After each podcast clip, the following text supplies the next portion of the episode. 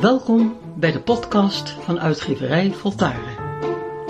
Zometeen hoort u de schrijver Tije Twijnstra.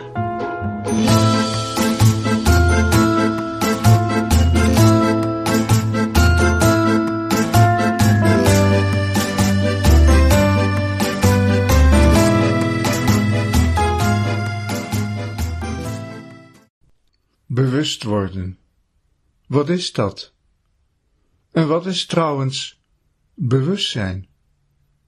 Ons denken is nog beperkt. Onze scherpte reikt nog niet ver. Onze emoties leiden ons maar al te vaak naar daar waar de spijt woont, de schuld haar vesting heeft. We maken fouten. We voelen wat onomkeerbaarheid is. We lijden. Pijn trekt door onze dagen. Het schuurt en schrijnt. Maar we leren. Steeds weer een beetje bewustzijn erbij. Zoals we kiezen, zo zullen we winnen of verliezen.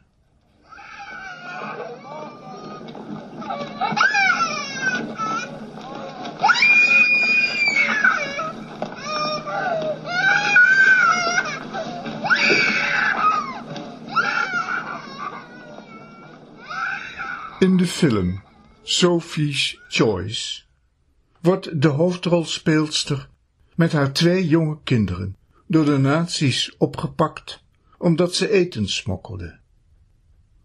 Ze komt in het concentratiekamp terecht en wordt gedwongen een keuze te maken tussen haar kinderen. Eentje mag blijven leven. Ze probeert de nazi te overtuigen dat ze niet kan kiezen, waarop hij schreeuwt dat ze dan maar allebei dood moeten. Uit pure wanhoop roept ze, neem dan het meisje maar. Dat wordt gillend meegenomen naar een klaarstaande goederentrein. Het jongetje blijft volgens deze natie in leven, maar wat ze daarna ook nog zal ondernemen, ze zal hem nooit meer terugzien. Of hij hetzelfde lot als zijn zusje heeft ondergaan, blijft een mysterie. Wat echter heel helder en scherp in haar gevoelsleven blijft, is de keuze die ze heeft gemaakt door het meisje mee te geven. Nooit meer zal ze van dit schuldgevoel verlost worden. Nein, zwingen Sie mich nicht zu wählen. Ich kann nicht wählen. ich schicke sie beide Ich kann darüber. nicht wählen. Nehmen Sie, nehmen sie beide Kinder weg. Das ist nicht! Los! Nehmen Sie meine Kleine! Deze scène is een mooi voorbeeld hoe het negatieve op ons inwerkt en hoe wij maar al te vaak op de voorwaarden van het negatieve ingaan, vanuit de gedachte, dan redden we in ieder geval nog iets. In de scherpte van het bestaan is geen compromis met het negatieve mogelijk. Voordat we het in de gaten hebben, werken we eraan mee. Deze medewerking met het negatieve veroorzaakt misschien wel de grootste schuld. Een spijt die dieper gaat dan wat ook. Meewerken aan het negatieve is tegelijk verraad plegen aan het goede. We kunnen onszelf alleen bevrijden als we leren consequent te zijn in ons voelen, in ons denken en in ons handelen. De consequentie van dit filmische dilemma zou zijn: ik kan niet kiezen, dus kies ik niet. Dan neem ik ze allebei, dreigt het negatieve. Dat is niet mijn keuze, maar de uwe. Ik heb deze kinderen het leven gegeven. Als u ze de dood geeft, dan is dat uw keuze en niet de mijne. Alleen door zo te doen, zou deze moeder vrij zijn gebleven van haar schuldgevoel. Ze zou niet op het ziekelijke voorstel zijn ingegaan, niet aan zijn voorwaarden hebben voldaan. Ze zou in haar eigen onbesmetheid zijn gebleven, hoe hoog de prijs ook zou zijn geweest. Haar geestelijke reinheid zou haar hebben behoed voor een mentale ineenstorting. Het is door haar betrokkenheid bij het negatieve, waardoor ze dacht nog iets te winnen, een leven te kunnen sparen. Maar het gevolg was dat ze haar dochtertje verriet en haar zoontje nooit meer zou terugzien.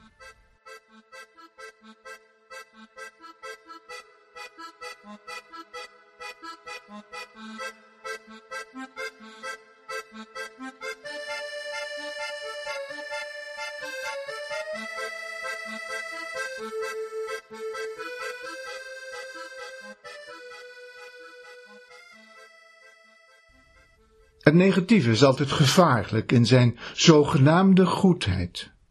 Daarmee probeert het aan ons te laten zien dat hij het niet zo slecht met ons voor heeft. Kijk maar, je mag kiezen. Met het ingaan op deze keuze, op deze voorwaarden, verbinden we ons met het negatieve en alles wat we daarna doen zal besmet zijn, zal zijn onschuld hebben verloren. Met het negatieve valt niet te onderhandelen. Dit moeten we steeds duidelijker leren begrijpen.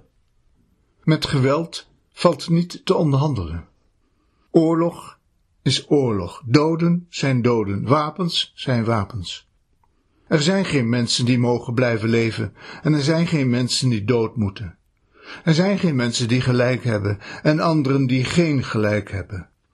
Er zijn geen belangen die boven anderen uitgaan, die zwaarder wegen omdat ze met meer geld zijn verbonden. Er is alleen het belang van het leven en het recht dat een ieder daarop heeft. Het negatieve is overal om ons heen, subtiel en grof, verleidelijk verpakt of rechtstreeks in zijn botheid. Het is in de vorm van gemak of voordeel dat ons wil verleiden meer en meer te kopen. Door al dit kopen worden we onrustiger en onrustiger. Onrustige mensen zoeken troost en gaan weer kopen. Het negatieve heeft het liefst onzekere, angstige en opgejaagde mensen. Vrij blijven van het negatieve is alleen mogelijk als we onze waarachtigheid als uitgangspunt durven te nemen. Alleen vanuit ons geweten maken we de goede keuzen. We hebben geen innerlijke speelruimte voor keuzen waar we niet geheel achter kunnen staan, waar we het niet helemaal mee eens zijn. Voor elke keuze zijn we ten volle verantwoordelijk. Hoe gewoon en vaak deze keuze ook voorkomt. Ach, dat komt later wel, terwijl we weten dat het nu zou moeten, is zo'n alledaagse keuze. Hoe zullen we ooit de grote levenskeuzen goed kunnen maken, als we al met de kleine en dagelijkse keuzen zoveel moeite hebben? Veel van onze keuzen zijn half en gematigd. Ze zijn getemperd, missen het vuur van de volle bezieling. We schipperen door ons leven. Het gevolg is een schemerig leven, half in de schaduw van onze werkelijke mogelijkheden. Onze echte keuzen liggen alleen in onszelf. Daar ligt onze verantwoordelijkheid. Die moeten we leren kennen en beleven. En als we er niet uitkomen, dan moeten we langer nadenken, dieper onderzoeken wat er in ons leeft. Te gemakkelijk zeggen velen, dat weet ik niet. Te snel beweren anderen, dat is zo moeilijk, daar kom ik niet uit. Elke dag bestaat uit vele keuzen. Welke is echt van mij? Welke is werkelijk van u? Het zijn onze keuzen waarop we ons leven schragen.